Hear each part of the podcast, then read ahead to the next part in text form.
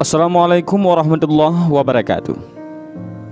Salah seorang sahabat Rasulullah Shallallahu Alaihi Wasallam yaitu seorang kesatria yang sangat tangguh bahkan digelari kesatria yang setara dengan seribu prajurit ialah Al-Qa'qa bin Amar At-Tamimi Sebelum Al-Qa'qa memeluk agama Islam beliau dikenal sebagai kesatria yang sangat tangguh dari Bani Tamim Bahkan para penyamun kelas kakap saja jika mendengar nama Al-Ka'ka akan ciut dan lebih memilih untuk tidak berhadapan dengan dia. Karena sesungguhnya jika berhadapan langsung dengan Al-Ka'ka tidak ada hal selain kematian. Dan selain memiliki ketangkasan dalam memainkan pedang, Al-Ka'ka juga ahli membuat syair yang sangat indah. Pada tahun 9 Hijriah, Al-Qa'qa' dan Bani Tamim lainnya berbondong-bondong pergi ke kota Madinah karena Bani Tamim heran mengapa banyak suku di jazirah Arab yang berbondong-bondong mendatangi Madinah dan menyatakan keislamannya. Sehingga Al-Qa'qa' dan rombongan Bani Tamim lainnya berangkat menuju Madinah. Sesampainya di sana, beliau menyaksikan banyaknya suku-suku Arab lainnya yang bersyahadat dan kebetulan dikala itu ada seseorang yang melantunkan ayat-ayat Al-Quran. Sehingga Al-Ka'ka' pun tergetar hatinya saat mendengar lantunan ayat suci Al-Quran tersebut. Meskipun beliau adalah seorang ahli syair yang indah Namun dalam hidup beliau belum pernah mendengar satupun syair yang seindah lantunan ayat suci Al-Quran. Setelah itu Al-Ka'ka' dan suku Tamim lainnya pergi menemui baginda Rasulullah Shallallahu Alaihi Wasallam. Setelah mereka bertemu dengan Rasulullah, hati Bani Tamim pun termasuk Al-Ka'ka' luluh saat melihat Rasulullah Shallallahu Alaihi Wasallam dan terlebih lagi saat mendengar perkataan yang sangat teramat mulia dari ucapan Rasulullah Shallallahu Alaihi Wasallam sehingga Bani Tamim termasuk Al-Ka'ka' pun menyatakan keislamannya dengan mengucapkan dua kalimat syahadat.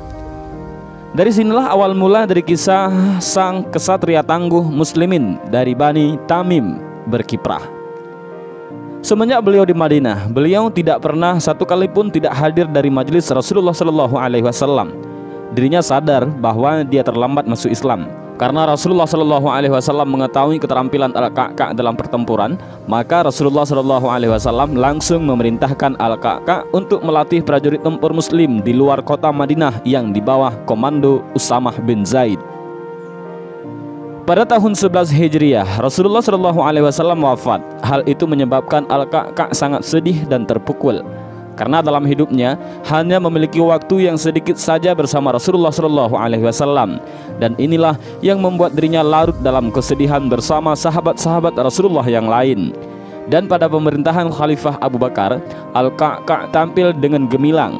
Pada pertempuran Hira saat umat muslim kesulitan dalam menghadapi Persia, yang mana dikala itu pasukan umat muslim dipimpin oleh Khalid bin Walid maka Khalifah Abu Bakar mengirim bala bantuan kepada pasukan muslim namun tidak disangka bala bantuan tersebut hanya satu orang saja, yaitu Al-Ka'ka bin Amar At-Tamimi.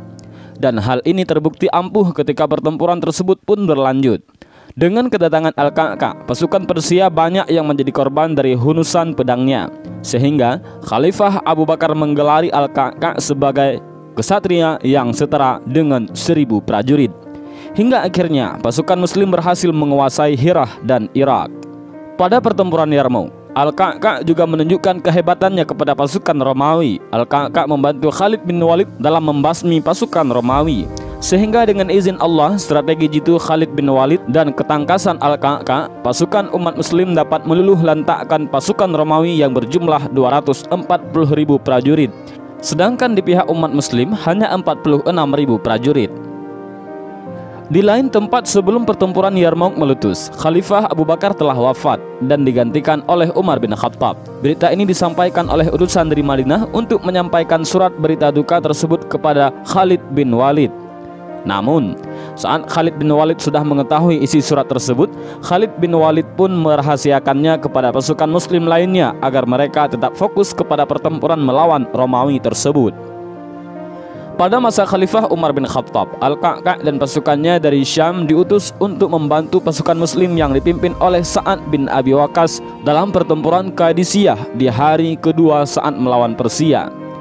Pada hari pertama, di wilayah yang disebut Qadisiyah, pihak pasukan Persia sudah menunggu kedatangan jumlah 120.000 sampai 130.000 prajurit dan di antaranya puluhan hingga ratusan ekor gajah tempur. Meskipun dengan pasukan Persia sebesar dan sekuat itu, sama sekali tidak membuat pasukan Muslim ciut, karena di dalam diri pasukan Muslim tertanam iman yang kuat, sehingga di pikiran umat Muslim hanya ada dua pilihan, yaitu kemenangan atau syahid. Dan meletuslah pertempuran yang sangat terkenal dalam sejarah dunia, yaitu Battle of Qadisiyah. Pada saat itu, Sa'ad bin Abi Waqqas dalam kondisi sakit sehingga beliau hanya memberi komando melalui tenda. Pada hari pertama tersebut, pasukan muslimin terdesak oleh gajah-gajah tempur Persia yang membuat kuda-kuda umat muslim ketakutan. Sehingga pasukan muslim pun turun dari kuda dan berjihad dengan segenap kekuatan hati maupun raga. Hingga berakhirlah pertempuran pada hari pertama yang menyebabkan 500 pasukan muslim syahid. Pada hari kedua inilah Khalifah Umar bin Khattab memerintahkan Al-Ka'ka untuk membantu pasukan muslim di dalam pertempuran Qadisiyah.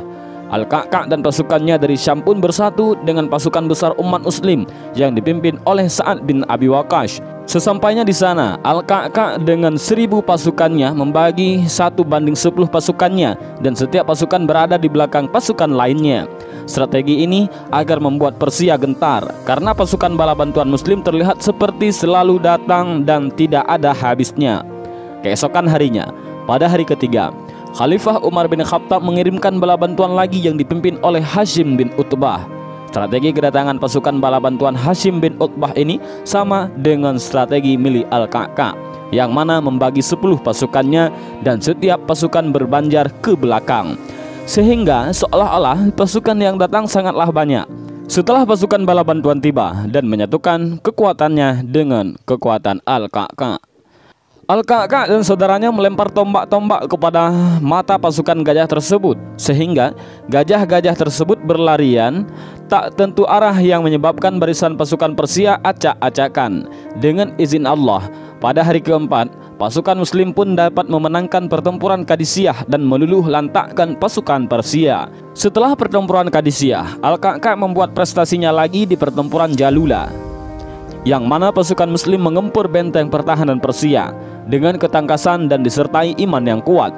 Al-Ka'ka berhasil menerobos masuk seorang diri ke dalam benteng Jalalu Persia tersebut sehingga membuka celah agar pasukan muslim lainnya dapat masuk. Akhirnya, benteng Jalaula, yakni benteng dari ibu kota Persia, berhasil ditaklukkan oleh umat muslim. Dengan jatuhnya benteng Jalaula ini, secara praktis membuat kaum muslimin dengan mudah menaklukkan kota Istana Putih yang merupakan tempat singgasana Raja Persia. Dengan itu, secara otomatis negeri yang kaya raya ini jatuh ke tangan umat muslim. Pada masa Khalifah Utsman bin Affan, Al-Ka'ka diamanahi sebagai gubernur di wilayah Armenia. Al-Ka'ka menjadi gubernur yang arif dan bijaksana. Beliau terus menjadi gubernur sampai era khalifah sudah dipegang oleh Ali bin Abi Thalib hingga Hasan bin Ali bin Abi Thalib. Dan pada era Khalifah Umayyah, Muawiyah bin Abu Sufyan, Al-Ka'ka pun mengundurkan diri dari jabatannya sebagai gubernur di wilayah Armenia dan beliau pergi ke wilayah Mesir dan beliau pun wafat di sana pada tahun 40 Hijriah. Dan inilah kisah singkat dari sang kesatria muslim perkasa yang dijuluki sebagai kesatria yang setara dengan seribu pasukan. Mudah-mudahan kisah ini bermanfaat. Wallahu a'lam bishawab. Assalamualaikum warahmatullahi wabarakatuh.